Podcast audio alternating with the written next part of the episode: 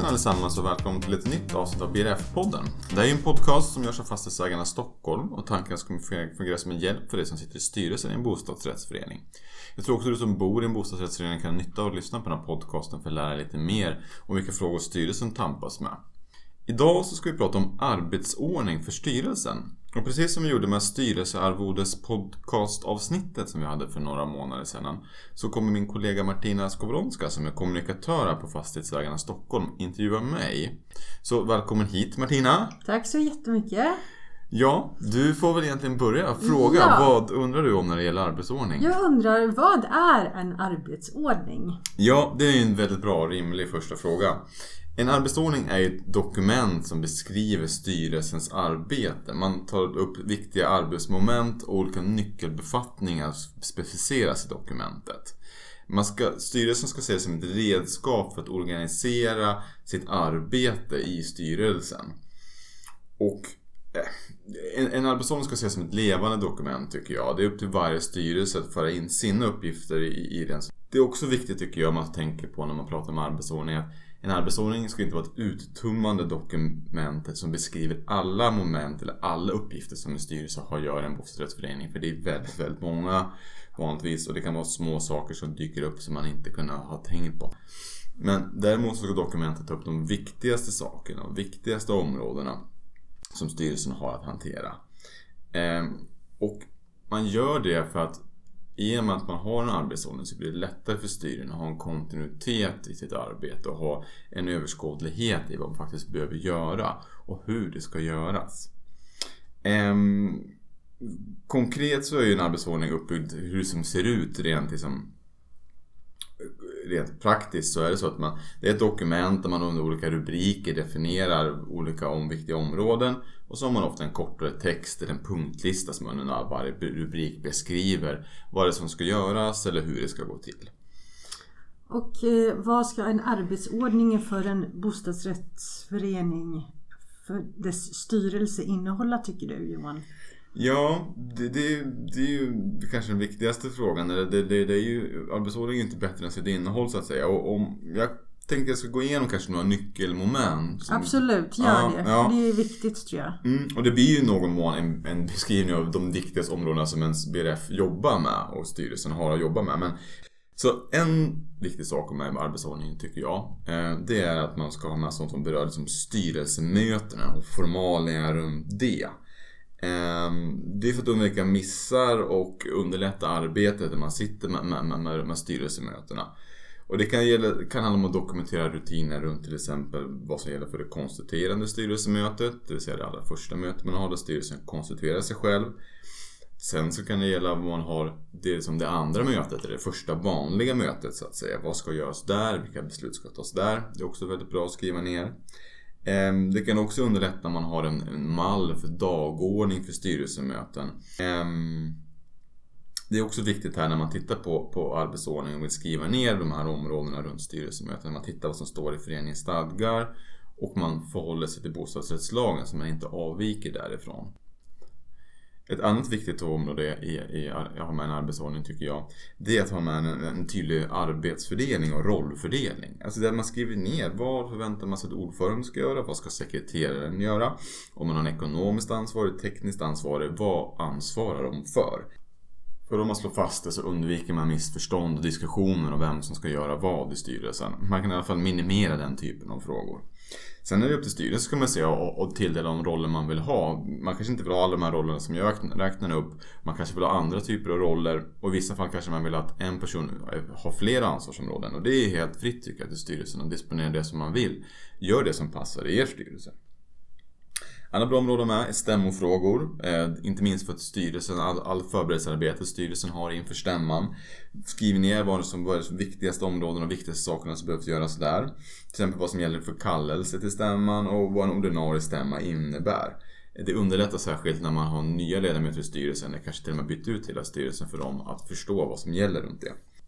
Ett annat bra område som man kan ha med i sin arbetsordning om man vill, det är ekonomi. Det är för, återigen för att undvika missförstånd och otydligheter. Ofta har man ju extern ekonomisk förvaltning i bostadsrättsföreningar.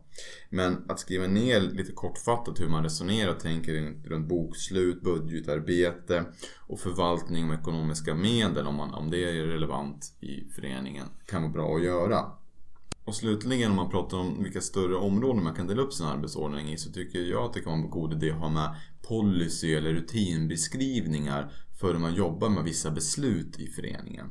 Det kan till exempel vara att man skriver ner hur man jobbar med upphandlingar, vad man, hur man förhåller sig till andrahandsupplåtelser, information till medlemmar, hur man jobbar med det. Det är ofta en fråga som många medlemmar upplever eftersatt i föreningar. Hantering av klagomål, vårdplikt, sekretess eller hantering av vattenskador. Genom att dokumentera sådana saker så underlättar ni arbetet framöver. Generellt annars så tycker jag också det kan vara bra att ha med sådana saker som attestordning, firmatecknare och liknande i, arbets, i arbetsordningen. För det gör det tydligt att veta vem det är som, som har ansvaret och vem som har rätt att företräda föreningen. Det står ju såklart dokumenterat även i protokollen när det bestämmer över det. Men man kan alltid falla tillbaka och titta arbetsordningen snabbt också. Hur kan styrelsen använda sig av en arbetsordning? Ja, men precis. Det är en bra nästa fråga. För nu har vi pratat ganska mycket om vad den ska innehålla. Och hur jobbar man då med arbetsordningen? Ja, jag tycker att det är viktigt att, att styrelsen gemensamt antar arbetsordningen. Och det förslagsvis sker på det första ordinarie styrelsemötet, alltså efter det konstituerande mötet. Arbetsordningen är också styrelsens arbetsredskap först och främst.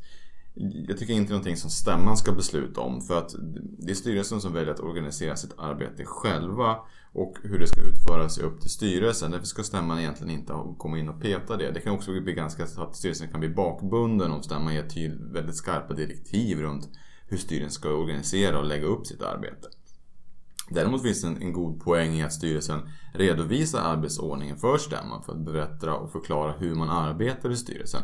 Jag tror också att ett sådant dokument kan på ett väldigt bra sätt tydliggöra för medlemmar i föreningen som undrar vad styrelsen håller på med och gör som det tyvärr ibland kan dyka, dyka upp frågor om. Få en förståelse genom att man visar arbetsordningen för dem. Ehm, jag tycker att en arbetsordning ska man inte se som ett fast dokument heller utan man ska kunna ändra det under fortlöpande om, om man upptäcker att det är saker man vill modifiera i arbetsordningen. Så även om man tar det på det första mötet så ska man känna sig fri tycker jag att kunna göra uppdateringar under, under året som styrelsen arbetar. Viktigt då tycker jag att man sparar den äldre versionen och gör kanske ett nytt versionsnummer, man kallar det 1.1 eller 1.2 för att ha koll på vilken arbetsordning som gäller och kunna gå tillbaka och se på tidigare arbetsordningar. Jag tycker också det är viktigt när man pratar om arbetsordning att inkludera arbetsordning i en naturlig del i arbetet med att utvärdera styrelsens arbete. Och det behöver inte vara så himla avancerat men sätt er, sätt er på det sista ordinarie styrelsemötet innan stämman till exempel och diskutera igenom vad som har fungerat bra och kanske vad som har fungerat mindre bra under året. Och skriv ner det och ta med de lärdomarna in till nästa styrelse och nästa verksamhetsår. Och då kanske uppdatera arbetsordningen utifrån de erfarenheter som ni har gjort. Och jag skulle säga att den, den främsta styrkan med en arbetsordning det är att man får en kontinuitet i arbetet. Man har dokumenterade rutiner att falla tillbaka på i styrelsen. Och det gör att, precis som i arbetslivet i övrigt, man har arbetsbeskrivningar, man har befattningsbeskrivningar och man jobbar efter olika typer av manualer och liknande. Så får man i styrelsen ett dokument som, som förklarar, i alla fall de viktigaste områdena, hur man bör jobba i den här styrelsen och hur man förhåller sig till det. Den kontinuiteten gör det möjligt att man fattar samma beslut över tid även om hela styrelsen eller enskilda styrelseledamöter byts ut. Och det är väldigt värdefullt. Det underlättar ju också kommunikationen gentemot medlemmarna när man kan förklara varför man har fattat beslut, på vilka grunder beslutet har fattats. Eh, vilket skapar en, en trygghet förhoppningsvis för de boende och en, en, större förståelse för styrelsens arbete. Det blir också såklart mycket lättare att kommunicera styrelsens beslut, beslut när man har tydliga grunder att falla tillbaka på varför beslutet har fattats. Och Johan, har du några slutord kring det här och medskick? Ja, och det har jag absolut. Och kanske den främsta är att jag känner att så här, nu ska man inte sitta och lyssna på och tänka oj, oj, oj vad mycket jobb det blir med det här. Nu måste vi gå hem och sätta oss och skriva ner allt vi gör. Vi måste gå igenom det och, och, och vara väldigt noggranna och slaviskt följa ett dokument som vi sätter. Och det är inte min mening heller. utan börja. Jag tror ni kommer långt med att bara sätta er och diskutera. Vad är det vi jobbar med? Vad är det vi gör? Avsätt lite tid på nästa styrelsemöte och gör det. Sen om ni vill så, så börja skriva ner det. Skriv ner de viktigaste områdena i korta punktformer. Så har ni kommit en väldigt god bit på vägen. Och sen kan man bygga vidare utifrån det. Ehm, vi på Fastighetsägarna Stockholm har ju också tagit fram en arbetsordning för styrelsen. Så om man är medlem hos oss så har man tillgång till den och kan ladda ner den på vår hemsida. Och då kan man ju titta på den och utgå från den i sitt arbete. Och antingen antar man den som den är eller så inspireras man av den och tar delar av den e-, e-, eller, e-, delar av den eller, eller liksom moment i den för att göra sin egen arbetsordning. Och se det istället som ett avstamp i att börja organisera sitt styrelsearbete bättre än att ni ska ta fram en lång omfattande manual som, som reglerar allt ni gör. För det är definitivt inte min mening.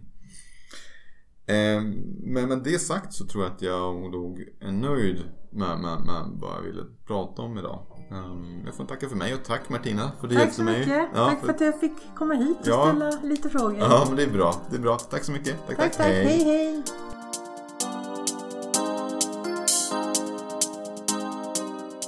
Du har precis hört en avsnitt av BRF-podden. Jag hoppas att du tyckte det var intressant och lärorikt, precis som våra tidigare avsnitt. Du hittar fler avsnitt av den här podcasten på soundcloud.com, iTunes podcaster och även på vår hemsida fastighetsagarna.se Stockholm. Men det vill jag tacka för oss och hoppas att du vill lyssna på oss igen framöver.